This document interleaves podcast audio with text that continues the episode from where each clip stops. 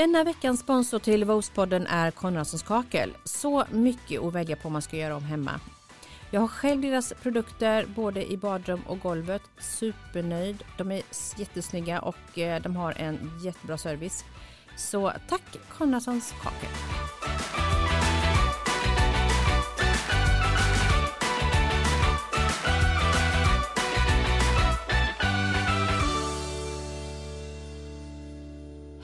Hej och välkommen till Vospodden. Idag kommer vi träffa Åsa Ingrosso. Hon har kommit hem från Spanien för att dels träffa oss, eh, vilket vi tycker är kul, men även slutföra sin bok och eh, starta upp en helt ny restaurang. Ett fjärde La Perla. Åsa är en person som alltid har någonting på gång. Är det inte att driva restaurang tillsammans med sin Emilio så är det att skriva böcker, designa lampor och väskor eller inreda åt företag och privatpersoner. Ja, den här kvinnan är verkligen en powerkvinna. Ut i fingerspetsarna.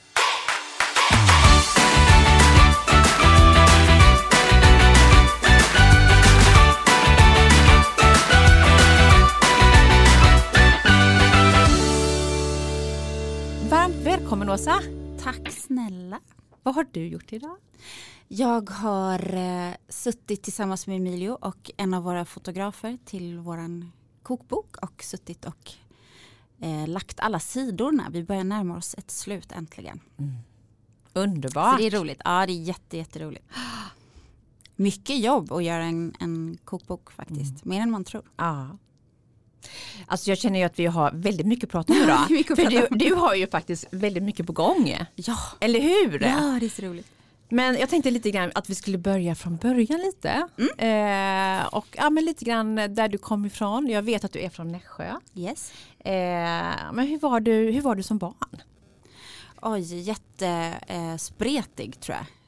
Mycket fart och eh, sladdade med cykel med killarna och fotbollstjej och jättegrabbig tror jag faktiskt. Att jag var pojkflicka. Pojkflicka. Ja. Ja. Dina föräldrar var, var ju fosterföräldrar. Ja. Eh, så du levde upp, eller levde liksom med, med många olika barn hemma. Ja. Jätte, ja, det var alltid någon ny unge på väg in. Liksom. Ja, det var så. Ja. Ja. Ja, det var hur- mycket barn som kom och gick. det? Det var, eh, vad ska jag säga, eh, på många sätt så har jag lärt mig så fruktansvärt mycket av det. Men det har också varit jätte, jättejobbigt som, som biologiskt barn liksom, att hela tiden dela sina föräldrar med någon annan. Och eh, det var ett väldigt engagemang i de här trasiga barnen liksom, så att vi blev lite bortglömda. Ja, du kände det? Ja, absolut. Och det, efter att ha läst väldigt mycket om det faktiskt efteråt så är det, det är en regel snarare än ett undantag att, att biologiska barn känner så faktiskt. Mm. Det är lite tråkigt. Ja, det är jättesorgligt för att det Ja. enda man vill är ju att, att hjälpa liksom. Men eh, ja, det är jobbigt om det blir bekostnad liksom av Mm. ens egna barn. Det ska ju inte behöva bli. Så att det, Mm. det där är svårt faktiskt. Jag har ju haft fosterbarn själv. Så jag vet hur det kan bli liksom. Mm. Hur Man hanterar du ge- det? När du... Man vill ju bara ge allt liksom. ja. Men nej, ja, vi avslutade faktiskt det Mm. ganska så snart för att vi inte skulle hamna i samma liksom. Mm. Så ja, vi hjälpte till lite och sen så fick det vara nog sen och sen fick våra barn komma först, tyvärr. På något sätt, eller ja, jag vet inte vad jag ska säga. Ja men du, det var väl rätt beslut. Ja men det är väl Eller så. hur? Ja men de går ju först. Liksom. Så är det ju. Ja. Så är det ju. Sen vill man ju alltid hjälpa andra barn men, men eh, ens egna barn är ju absolut det viktigaste. Men så är det ju. Så är det ju. Mm. Eh, du bodde kvar i Nässjö tills du var 18 år. Mm. Och sen tog du pick och pack och drog. Yes. Lite så var det väl? Ja gud. Ja. Hur, hur bara, kom det sig att... eh, nej, nu är jag klar. jag ville bara få mitt körkort färdigt och när det var klart så eh, träffade en kille på semestern. När man bor i Nässjö så är det jättevanligt att åka till Västervik på semester och det gjorde vi också. Och där träffade jag en kille och då flyttade jag till honom. Mm, Så var det. det ser man. Och sen vad, ja, vad gjorde du mer där då? Vad hände? Vad, Hur Jag- såg ditt liv ut? Började du plugga eller? Nej, nej jag skulle, jag gick ju beklädnadsteknisk på gymnasiet och hade väl någon ehm, dröm och bild av att jag skulle bli först kläddesigner och sen skulle jag bli inredningsarkitekt. Så att planen var att jag skulle läsa vidare sen. Eh, men så träffade jag den här killen och då bara så här, nej men plugga finns ju inte nu liksom. Så då gjorde jag allt annat där. Jag har jobbat på med äldrevård, jag har jobbat på en tidning, jag har gjort, jag har gjort allt möjligt där. Och sen startade jag mitt eget företag Mm. i Västervik. Åsa Björling Design. Ja, Och det var handgjorda, eller handdrejade produkter. keramik. Keramik ja. Mm. Och, eh, och sålde hur då? I, i butik eller? Eh, Först så, först så hade jag så här små home parties och grejer och sen eh, bytte jag till eh, lite större mässor och lite sådana saker. Mm. Så att jag åkte runt och sålde grejerna. Mm. Och sen så gick det så himla bra så då började jag med eh, Formex och ställa ut liksom så bli som, lite mer som en grossist. Mm. Och sen var det det som var i 190. Hur länge hade du i företaget? I, vad hade jag i sex, sex år va? tror jag. Ja, Innan jag gick i, med dunder och brak in i väggen. ja du gjorde det. Mm. Och då hade du fått barn va? Ja, de fanns redan Då. innan. Ja, just det. Mm. Just det. Okej, du bara kände att du hade, gått, du hade gett hundra och sen så fanns det inget mer. Det gick för bra, det låter ju hemskt att säga det, Ja. att man inte kunde ta tillvara på det. Jag hade behövt hjälp liksom, med någon som, som kunde liksom avlasta lite. Jag Mm. satt ju liksom med allt och svårt att delegera och jag Mm. försökte anställa en keramiker men det var jättesvårt. Och, ja. Mm. Ja, Jag satt på något riktigt bra faktiskt som jag inte kunde ta hand om. Det var lite så tråkigt. Ja, Men så kan det bli. så kan det bli ja. Och då tog du lite lugnare ett tag hoppas Ja. jag. Sen Ja. tog jag det väldigt mycket lugnare. Eh, och sen efter det så flyttade ni upp till Stockholm. Yes. Och det bara kom, ni bara, du bara kände att du ville byta? Alltså min mamma är född i Stockholm. Ja. Och eh, vi har ju varit där väldigt, väldigt mycket. Så det har alltid känts hemma. Liksom. Det har aldrig varit något konstigt att, man, man, att vi var här. Liksom. Så då, det kändes så nära till hans. Och, ja. Mm. Så fick jag ett, eh, jag sålde, emellan där så sålde jag lyxbåtar ett tag. Har du har gjort det mesta? Herregud. Gjorde Ja. du det? Ja. I Västervik då? gjorde jag. Ja, för- förstår du. Ja men vad häftigt. Det var faktiskt roligt. Det var jätteroligt. Ja. Men vad var så- det för båtar? Var det typ sådana här fina nimbusbåtar eller? Ja men typ och lite, ja det var lite blandat faktiskt. Ja. Det var lite allt möjligt. Eh, någon Chris och lite grejer. Ja det var, det var jättekul. Det var en rolig bransch. Men så, så ville jag ju göra något annat. Så då, då tänkte jag att nu måste vi upp till Stockholm. Vi måste bredda lite. Jag tyckte Västervik var lite för tajt kanske. Mm, precis. Ja. Och sen vet jag ju då så att du flyttar upp till Stockholm Ja. eh, och fortsatte med lite keramik. Men Yes. även så började det bli lite mer åt design och Ja. eh, lite inredning. Ja, stämmer bra det. Vad var det för uppdrag du gjorde? Först faktiskt till, mestadels till kompisar och lite sådär. Jag har, det har jag gjort under hela tiden jag har hållit på med mina grejer. Men det började bli lite mer då liksom. Eh, och det där är ju ett gissel när man håller på med någonting så att även om man är jätteduktig, om ingen ser vad man gör så är det ju svårt att nå ut liksom. Men jag började så och gjorde liksom uppdrag mot eh, middagar och allt möjligt bara för att det var så himla kul liksom. Och sen så kom det fler och fler uppdrag och Mm. men keramiken var ju den som var ändå liksom det som jag höll på mest med där Ja just det. också.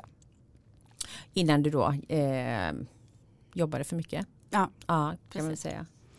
men det hängde ihop. Hela Ja. den här vägggrejen var i, i början på Stockholm. Liksom. Mm, precis. Eh, och då var ju barnen små Ja, den tiden också. ja, Hur tyckte du småbarnstiden var? fantastisk. Gud, jag har älskat att vara mamma. Fullt ut. Mm, Bästa. mm, det är underbart. Ja, absolut. Hur gamla är barnen idag? 22, 24. Ja. Och jag vet ju att de har flyttat hem också. Ja. Va? ja, nu känns vi väldigt utspridda allihopa. Vi är ju runt omkring. Liksom. Ja. Men eh, ja, Anton hamnade i Borås hos sin Tilda.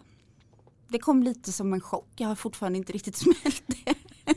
Nästan Det är på Småland. fel sida liksom. Ja du känner det ja. Ja, Men- fullständigt. Ja. Och inget ont om, om Borås, men för oss är vi är ju aldrig där borta liksom. Nej. Så det känns lite jobbigt faktiskt. Han är så väldigt nära mig så det är, nej, det är skittufft. Det är jättetufft. Ja det är det, det Ja. förstår jag. Du får åka ner. Ja, det, ja. Eller det hur? kommer vi göra. Ja. Absolut. Men det är ju lite meck om man ska ta sig Mm. dit och det är inte det där liksom. Förut har vi haft varann med fem minuters avstånd. Liksom. Mm. För det var ju så när, när, eh, när ni var nu nere i Spanien, eller ni, ni har ju bott där länge men, Mm. men eh, eh, Lina och Anton de Mm. har ju bott där också i ganska många år. Ja, och de har ju studsat mellan sina egna lägenheter till att flytta hem hela tiden. Ja, Så jag har ju haft lyckan att få ha dem väldigt länge hemma. ja. vad skönt. Ja, jag tycker att det är mysigt. Emilio kanske skulle säga något annat. Nej, men jag, har ju, jag har ju två som har flyttat Ja. hemifrån och så har jag en kvar hemma. Ja. Och jag säger till henne, jag gör vad som helst bara du inte flyttar den. Nej, men, ja. För jag vill verkligen inte det. Nej, det är det värsta. Stanna Ah. alltid. Ja, och det blir så, jag bara känner, vi, vi bor ganska centralt också så att det är Mm. många som eh, kommer hem till oss Ja. eh, och eh, tycker ju det är kanon. Och den dagen hon flyttar då blir det ju, alltså jag tänker hennes kompisar Ja. kommer hem eh, mycket och då blir det ju väldigt, väldigt tomt helt plötsligt. ja, det är usch. Nej, Nej. nej, Nej, det gillar vi inte. det gillar vi inte. nej, precis. Sen vet jag att du eh, efter ett tag skulle börja med skor och, och öppna en skobutik. Ja, Hur kom alltså- du in i den banan? Det här med skor är ju någonting, jag har alltid varit helt galet fascinerad av skor och gärna med ganska hög klack. Och eh, har väl haft någon dröm ihop med alla andra designerdrömmar jag haft att jag ska göra egna skor. En egen liksom, designserie. I mitt eget namn som skulle säljas någonstans. Och sen eh, när jag tyckte att jag var klar med Stockholm så ville jag till något varmare land och då tyckte jag att Mallorca är ju fantastiskt trevligt. Nära och bra och Mm. mycket svenskar. Jag tänkte där kan det nog funka kanske. Med egen butik med mina egna skor. Fatta vilken dröm. Underbart. Ah, så roligt det hade varit. Ja. Jag har det kvar nu. Jag älskar skor också nämligen. ah, jag såg det, du har ju skitsnygga skor på dig. Men du kom ner dit i alla fall. Hittade du någon lokal? Hur långt kom du? Innan nej, du... jag, nej, jag Nej. kom ju inte så långt. Nej, du gjorde inte det. när jag skulle ha tag på min eh, fabrik. Eh, jag har alla skisserna och allting ligger men jag skulle ha en fabrik och då så mm, pratade jag med en väninna som eh, känner faktiskt Emilio. Och då tipsade hon om att familjen Ingrosso har ju väldigt bra kontakter i Italien med fabriks, eller vad heter det, med skofabriker. jag bara, aha, men gud, alltså så då hade han redan lagt till mig på Facebook men inte hört av sig. Det var jättekonstigt för jag hade honom redan som vän. Liksom. Vi hade aldrig pratat med varandra. Nej. Så var det så bra öppning, så, här, ja, men skor och fabriker och grejer. Så vi pratade väldigt mycket skor i Mm. början. För han är jätte, jätteintresserad. Han är en sån här som har skoblock. Oj. Och en egen liten låda Mm. med, med puts och borstar och man bara oh my god. Han är, han är verkligen så här italiano Ja. jättenoga med sina skor. Han är faktiskt lik min man lite. Ja. För han håller också med, på med sina block. Och Jag brukar säga det att varenda gång du köper skor så köper du halva butiken med såna här grejer. Alla grejer som och ska vara till. och allting. Ja. Alltså, vi kan nästan ha en sån butik hemma. ja det kan vi. Ja. Nej, men, eh, ja, men vad Så vi kul. pratade skor länge tills vi inte pratade skor längre. Då var det bara amore. Ja det var det. Så det var där nere du träffade Ja. honom första gången? Mm. Ja. Kände du inte så här att det har liksom varit ganska mycket på löp med, med, med honom? Jo fullständigt. Jag kände du inte att du liksom tvekade lite? Jo hundra procent. Ja. Gud ja. Och alla avrådde mig kan jag Ja. säga. Oh det här är livsfarligt och akta dig och akta dig. Ja. Men det tar ju ganska, om man har lite livserfarenhet eller har lite koll liksom. Och speciellt jag som har varit med väldigt mycket, alltså alla dessa barn med fosterhemmet och liksom allt sådär. Man har sett ganska mycket, jag har lärt mig så mycket på det. Och då, det gick ganska kort tid faktiskt för att inse att det där inte stämde riktigt. Mm. Som har stått. Mm. Och det står jag för, Ja. 100 procent, även sju år senare. ja, härligt. Ja, underbart. Sju år, mm. Mm. tiden går snabbt. Ja, det gör det. Ja, galet. Verkligen. Men hur lång tid tog det innan du flyttade ner sen då till honom? Gick det snabbt eller? Det tog eh, ett halvår ungefär. Mm. Så kunde vi inte riktigt bestämma oss hur vi skulle ha det, var vi skulle vara, om vi skulle vara där eller om vi skulle vara här. Och, Och vi fick inte ihop det i början. Det var jätterörigt och han jobbade så mycket och jag visste inte vad, jag, vad min plats var i det. Liksom. Så jag åkte lite så här pingpongboll emellan och så, så var jag tillbaka här i, i Sverige ett litet tag. Och, då kom han efter och flyttade hit. Aj Mm. gud vad vi höll på. Alltså. För att du ville bo i Sverige ja, lite grann då? ja, Ja. jag kunde inte riktigt. Så här. Nej, jag tyckte att det var för rörigt och jag tyckte inte jag hittade min liksom, plats på något sätt. Så. Jag ville ha mitt liv också. Mm. Liksom. Mm. Var, det bara- var det svårt att komma in i eh, liksom, livet där och få egna vänner? Och, eller hur är det liksom att flytta Nu ner? sitter ju han och jag ihop fullständigt. Vi är så siamesiska tvillingar så man behöver inga egna vänner här. Men vi, Ja. vi gör väldigt mycket tillsammans faktiskt och det har blivit så och då, då var det så lätt att komma dit och han hade ju liksom redan plogat väldigt mycket. Han hade ju bott där i sex år när jag flyttade dit. Och hade så mycket klart för sig liksom bara det här, det här är bra, det här är okej, här ska vi inte, där ska vi liksom sådär. Så att med områden, allt sånt där som tar Mm. tid i ett nytt land och lära sig en kultur och alltihop. Han kunde berätta så väldigt mycket liksom. Sen var han galen på mig för att jag inte förstod språket så han fick översätta hela tiden. Mm. Bara, jag lär dig.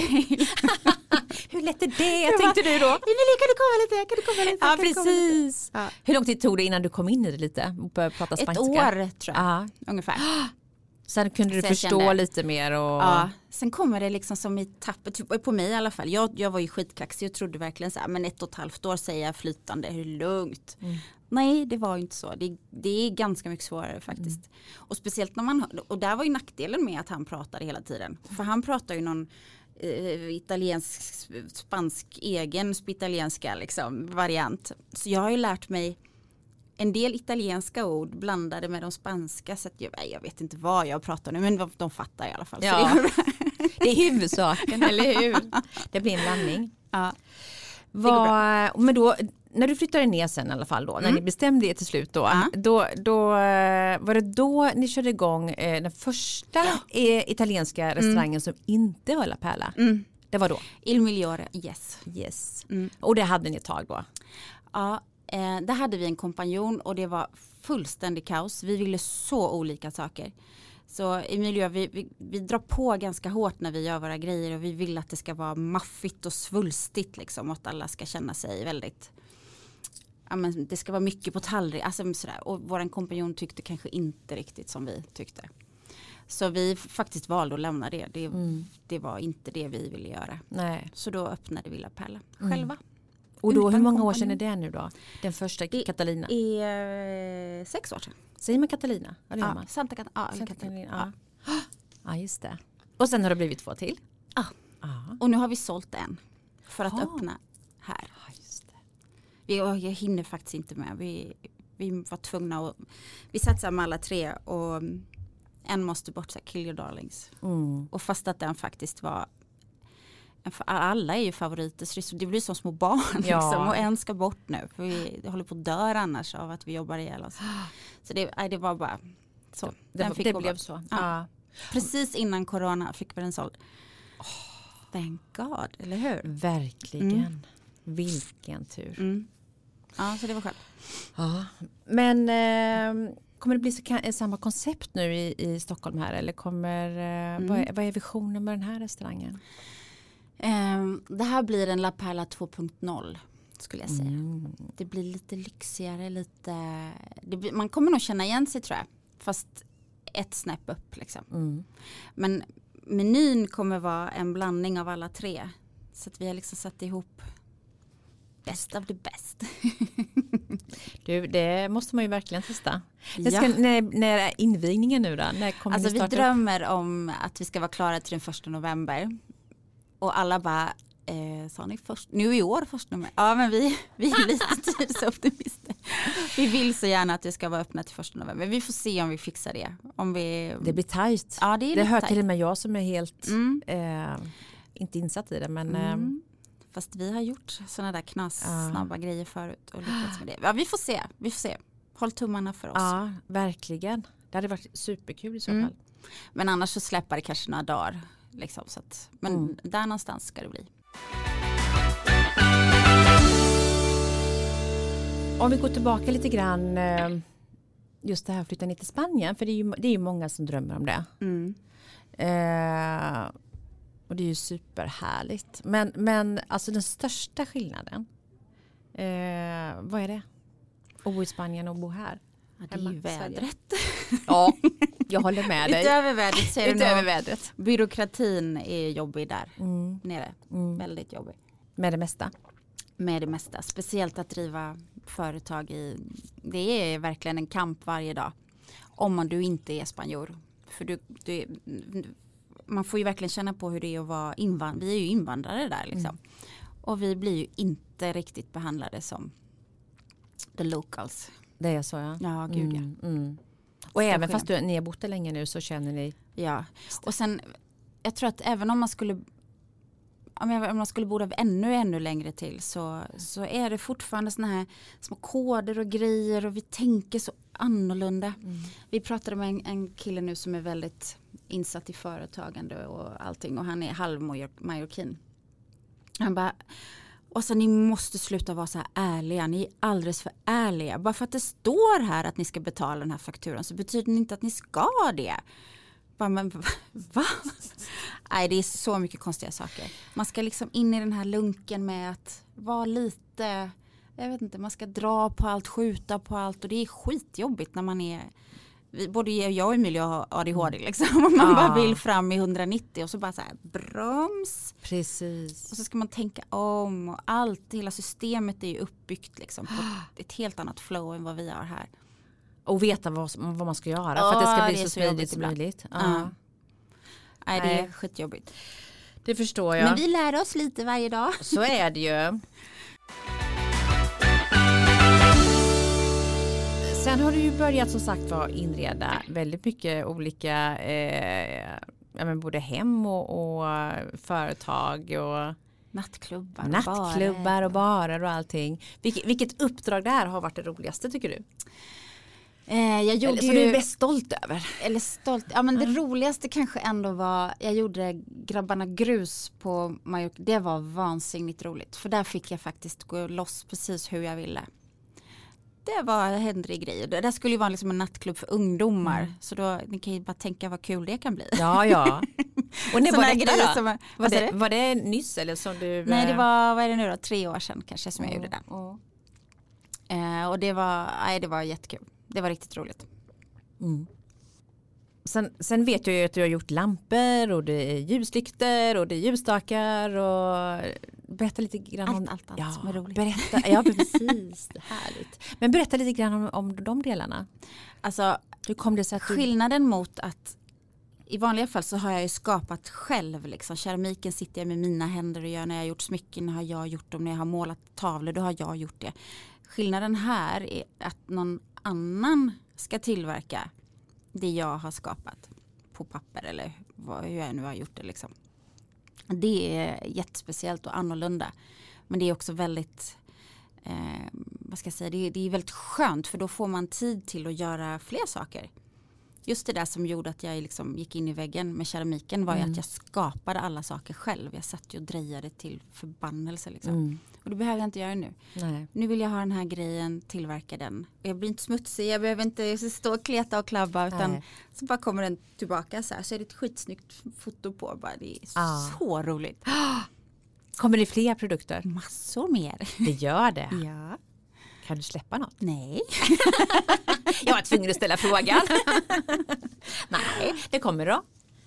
Eh, nej, nu, nu håller vi på med en ny lampa här faktiskt. Mm. Ytterligare, vi har precis släppt stuckor och så, så nu kommer det snart en till. Mm.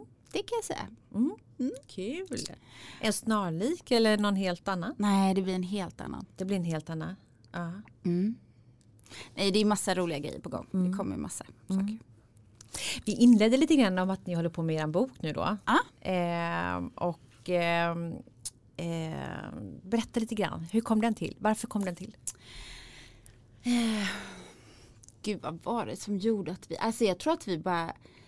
Vi lagar ju väldigt mycket mat, både Emilio och jag. Och vi bara var så här, nej men vi måste ju göra en kokbok. Gud vad roligt att göra en kokbok. Och Emilio sitter ju på en uppsjö med recept. Och då var det så här, men kan du tänka dig att släppa recepten? Bara, ja fan jag kan göra det. Kan jag göra det? så ja, men då gör vi det. Och då började vi eh, för två år sedan. och lagade mat som galningar och liksom fotade allt det. Och så, så mitt i alltihopa när vi trodde att vi var klara så bara kändes att nej men det är någon stor bit som saknas här. Det här är inte vi. Vi gillar ju när det är så här extra allt liksom. Så då pausade vi faktiskt den ett bra tag, nästan, ja, nästan två år. Tog vi en paus och gjorde Can Barbara, restaurangen och det kom en massa saker emellan. Och så kände vi så här, men nu är vi nog där när vi ska fortsätta. Och då tog vi in en fotograf till. Som, eh, som jag berättade för dig var mm. Lenny Kravitz privata fotograf.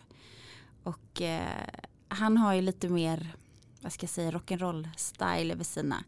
Jätteduktig fotograf, verkligen. Så tillsammans med Stephanie då som är matfotografen så blir de här lifestyle-bilderna väldigt roliga. Liksom. Mm. Det blir en sån krock fast de mm. smälter ihop samtidigt väldigt bra.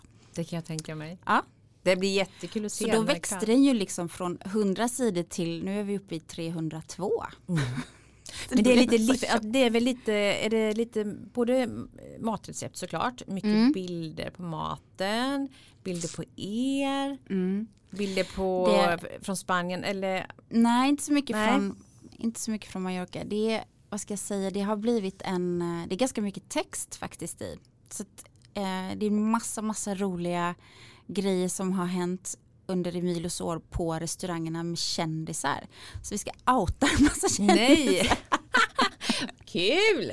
Ja. Fast på ett snällt sätt. På ett snällt sätt. Nej det är inget ja. elakt. Nej men det, och det är så vansinnigt roliga grejer. Den här familjen Ingrosso de har ju, uff vad de har varit med om mycket saker. Berätta, vi har bara, berätta om en incident. Eh, nej men som Eros Ramazzotti var en, en flitigt återkommande gäst på Emilios första restaurang Il Conte. Och eh, första gången han skulle komma dit så ville inte Emilio berätta för personalen att för han var ju så stor, kommer ni ihåg Eros när han var så här jätte, ja, ja. jättestor alla mm. köpte hans skiva då. Mm. Hade Emilio Il Conte restaurangen. Så då ville han inte berätta för personalen vem det var som skulle komma. Han ville hålla på det lite och de gick och frågade och frågade och frågade. Vem är det som kommer med det liksom? Och så, och så till slut så eh, när han, han dyker in så så, och då håller personalen på att tjata, så här, kommer han någon gång, kommer han någon gång och Emilie blir ganska trött på dem, bara, men gå in och jobba mer, liksom, mm. stå inte här, gå in och jobba, han kommer han så kommer han. Och precis då kommer han in och då, då säger Emilio till, till sin kock så här, men nej jag kan nästan inte säga det här, det är ett fult ord. Det låter så jäkla, på svenska låter alla de här eh, orden de använder. Ja. Ja, vad säger han? Ja din jävla horunge, gå och jobba med dig. Typ så här. Ja, ja, och precis då kommer Eros och Emilio säger det här på italienska så han hör ju det. Och han bara, menar du den här horungen? och så gapskrattar alla bara, ja men gud hej hej, ja det är jag som är Emilio. Och så lite pinsamt. han kommer komma ihåg Emilio. Oh ja, han var där många många gånger. Det var sen. han. Ja, han var jättestammis. Det blev hans favorit. Verkligen. Vad har du för mål framöver nu? Du har, nu gör du ju massa olika saker Åsa, vilket är skitkul mm. såklart. Eh, men om du liksom får välja ut någonting som du verkligen, verkligen vill liksom lägga tid på framöver? Nej men jag har ju upptäckt det. Jag skriver ju alla texterna i, i boken. Mm. I kokboken som inte är någon kokbok längre. Det är någon av mina lifestylebok.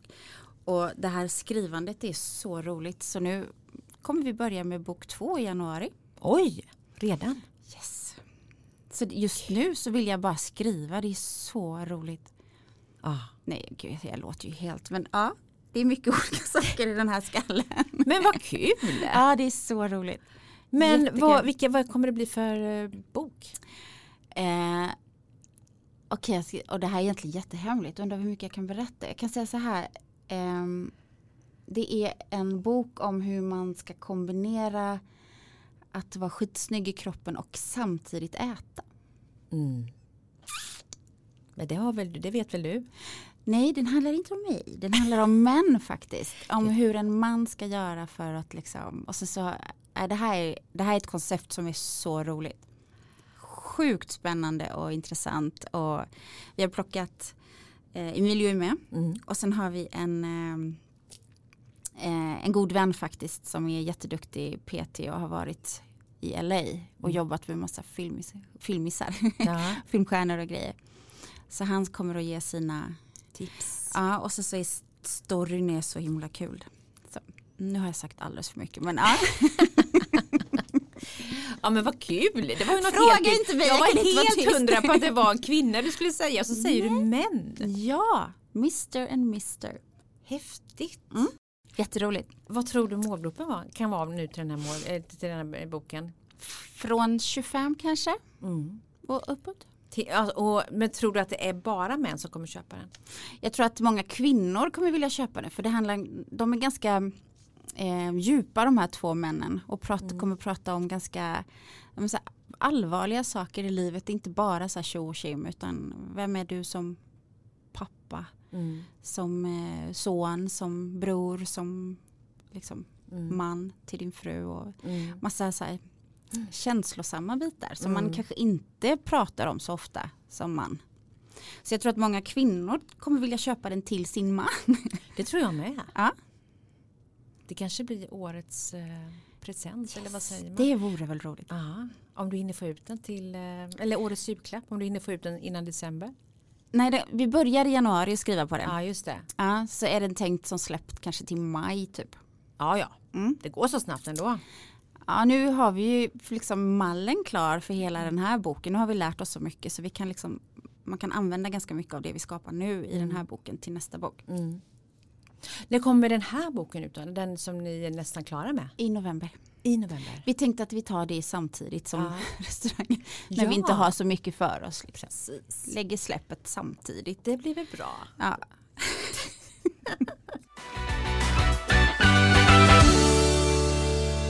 Om du får hoppa fram en, en, en tid, Mm. vi säger tio år, Mm. vad gör du då? Vad gör jag då? Vad gör jag då?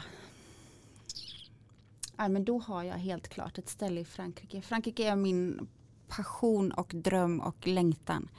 Och det är, det är knappt jag kan säga det för Emilio blir så stött att det inte är Italien som är det. Men det är Frankrike, jag har varit där jättemycket förr och sådär. Så att jag har rest runt Frankrike. Jag älskar Frankrike.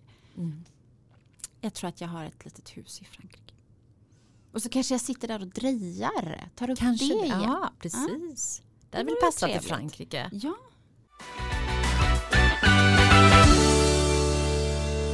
Du har ju, du har ju tre hundar Åsa. Ja. Tre små bebisar. Ja. De blir som Du har en med dig idag Ja, en ligger bredvid mig här och sover. och de andra två är kvar i Spanien. De är kvar i Spanien. Ja. Stämmer. ja. Det, kom, eh, det kom hundintresset. Eller djurintresset. Alltså när jag var liten så hade vi, eh, mina föräldrar arrenderade en gård. Så jag är faktiskt uppvuxen med alla sorters djur. Det var inte ett dugg konstigt att man kom hem och så stod det en lammunge i köket. Liksom. Nej. Eller en anka eller någon som behövde bli diad. Liksom. Så det här djurintresset det är verkligen, det kom nästan med bröstmjölken. Höll jag på att säga. Ja. Så det, det, jag kan nog inte vara utan djur. Tror jag. jag skulle ha ännu fler om jag fick Emilio. Han har sagt stopp nu efter tre. Han har sagt nu är det hundstopp. bra. Jag skulle vilja ha en liten katt också. Det hade ju varit mysigt. En liten eh, en sån som är hemma. Vad, vad kallar man dem? Mysig. Hemmakatt? Nej vad säger man? Ja. Innekatt säger man En ju. liten huskatt, en liten innekatt. Ja. Ja, en liten innekatt. Tänk så mysigt. Ja, det hade varit trevligt. Nu, nu bor ju vi så att det går ju inte och vi åker så mycket så det funkar ju inte. Men i, i själen vill jag ha en liten katt. Mm. Ja, nu flänger ni ganska mycket fram och Ja, tillbaka. det skulle inte gå. Liksom. Kommer ni flytta hem till eh, Sverige? Nej. Nej. Nej. Vi kommer att vara här ganska mycket nu. Nu behöver restaurangen komma igång och sådär. Så att nu kommer vi vara här en del. Men vi flyttar hem gör vi nog inte. Nej. Det är ganska lagom att åka emellan och få sådär. Det är ganska skönt ändå att ha. Ni får lite båda delarna. Tro, ja, och Ja. trots eh, kaoset med deras byråkrati och allt knasigt som de gör där borta. Mm. Så är, väljer vi ändå det liksom. För att det är så skönt klimat. Det är så underbart. Bästa tiden är nu. Mm. När vi valde att åka hit till Sverige i regnet. Men nu är det riktigt, riktigt fint på Mallorca. Hur varmt är det nu? Ja, kan det vara 26 kanske? Ja, 27 grader? Som en bra eh, svensk sommar kan man säga. Ja. Mm. Och så har det där klibbet lämnat så att det är bara så torr, varm, skön luft. Och Mm. de flesta turisterna, turisterna åkte hem så det är så lugnt och stilla. Och Mm. nu är det lite kaos med all corona och munskydd och allt så det är kanske inte är så kul men det är Nej. fortfarande väldigt vackert. Liksom. Men, alltså hur var det att sitta i karantän som ni gjorde? Hur många veckor blev det? 12 Blev det 12? inlåsta. Nej, Tre månader. Det var fruktansvärt. Ja, hur, alltså, hur var det egentligen? Nej, det alltså, man, man, man förstod ju att det var tufft såklart. Men eh, ärligt, hur, hur tufft var det? Åtta veckor satt vi helt inlåsta och sen de fyra sista sen så var det så utslussning i olika faser liksom, eller vad jag ska kalla det. Då fick vi gå ut lite men det var ju ändå under liksom tim, vissa timmar och klockslag och lite sådär. Nej det var jättejobbigt. Första, första två veckorna tror jag då hade jag riktig liksom ångest och panik och eh, var, var jätte eh, stressad och vi, vi satt med mobilerna och tvn och hade nyheterna på hela tiden och bara har du hört något mer nu? Har du hört något mer? Nej, jag har inte hört något mer. Nej, det var skitjobbigt och bara veta att vi får inte gå ut liksom. Det är bara att hålla sig inne. Som tur var med hundarna så fick vi ju ändå ta våran promen- promenad med dem. Men det var ju bara runt huset liksom så det är bara upp igen. Mm. Men det var lite räddning att komma Ja. ut lite. Gud, gud säger jag vad jobbigt det hade varit annars. Men gick man inte varandra på nerverna nästan? Nej, faktiskt inte. För man kände ju liksom att man är sådär på Ja. hela tiden. Ja. Nej. Det gick bra. Den Vi biten- är ju som sagt då vana vid att alltid vara tillsammans. Så det var liksom inget Det var inget nytt. Jag bara, nej, vi såg klart på Netflix allt vad de hade att erbjuda typ. Och sen eh, lagade vi väldigt mycket mat och gick upp i vikt. Och det var det vi gjorde typ. Och sen höll ni på med boken då såklart. Lite grann. Nej, det hade ju varit skitbra. Ja. Ja, men det gjorde vi inte utan vi bara hade i tankarna om att vi ska väl kanske göra den sen. Ska vi ta tag i det här nu? Ja, vi får se. Men det gick liksom inte att få in något mer i huvudet. Det var så fullt av ångest och oro för företagen och vi bara såg liksom vårt livsverk bara rinna bort. Ja, usch, liksom. Vad gör vi nu? Vad, vad, vad gör vi nu? På riktigt, vad gör vi liksom? Man blir helt matt när man hör Nej, det. det var fruktansvärt jobbigt. Och pendla. Vissa dagar bara låg jag och grät hela dagarna och bara nu är allt borta. Mm. Allt vi har byggt upp det är bara liksom kasta bort det. Men ni stängde ganska snabbt. Ja, ja vi, det, vi hade ju inget val. Nej, det var de ju, så fort de stängde ner. Hade ni stängt innan de stängde ner? Nej. Nej. Vi skulle precis förnya kontrakten på våra anställda och det, det är lite annat hur det är uppbyggt liksom i Spanien. Men precis innan så skulle vi eh, förnya kontrakten och Emilio bara sa så här, men jag, jag ska prata med oss så tar vi det efter helgen. Och sen på lördagen gick de ut att nu blir det lockdown. Och sen på söndag stängdes det ner och på måndagen då skulle vi ha skrivit kontrakten och det var ju en evig tur för annars hade vi stått med ganska mycket pengar som skulle ut på personal. Liksom. Så det var tur. Det var tur. Ja. Och nu har en som sagt var öppnat upp då. Mm. Så en är stängt Och det var, vi hade ju liksom vinterbonat den. Vi hade plockat bort el och gas och allt och stängt ner liksom allt, allt, allt. Och, och personalen var ju på sina ärte som det heter då, som Mm. den här krispaketet som, som staten har kommit med. Så de gick i, var ju som arbetslösa. Mm. Och allt var nedstängt liksom. Och sen så fick vi veta att en ny lag hade kommit. Så nu måste ni öppna. Om ni inte öppnar så kommer ni bli återbetalningsskyldiga på allt det ni har fått hjälp med personalen innan. Så ja, det var bara så här, okej vad gör vi nu? Så då pang på två och en halv dag någonting öppnade vi upp med. Och så få igång el och gas och telefon och internet. Alltså ni kan inte förstå. Det var helt otroligt att vi fick igång det så fort. Det går liksom inte. Nej, men hur lång tid hade ni på er innan, innan de skulle liksom innan ni skulle få betala tillbaka allt det som, som ni hade ändå fått i bidrag då? Nej, det vet jag inte hur Nej, lång tid det hade nej. tagit. Utan det var ju så här, vi fick veta att det var en ny lag. Ja. Och då bestämde vi oss direkt att nu öppnar vi liksom. För det hade vi ingen lust att betala tillbaka. Men vi trodde nog inte att, att det skulle vara så mycket svenskar som det faktiskt var. Så när vi, när vi gick ut med att vi öppnade igen så på 20 minuter tror jag vi hade fullbokat i flera dagar framåt. Så att Mm, det det gick snabbt. puff sa det liksom. Mm. Så det var väldigt, väldigt skönt. Mm. Men varför öppnar inte upp den andra restaurangen? Nej, det är så mycket folk finns Nej. det liksom inte. Det täcker inte upp.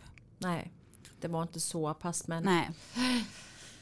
du jag vill tacka så mycket för idag Åsa. Tack själv. Tusen tack. Jättekul att jag fick komma. Ja, jättekul att du var här. Ja. Du, lycka till med alla projekt nu. Tack snälla. Så ser vi fram emot restaurangen också. Ja. Vi får komma och besöka. Ja, kom och ät. Ja, absolut. Ha det så gott. Tack, tack. Hej då.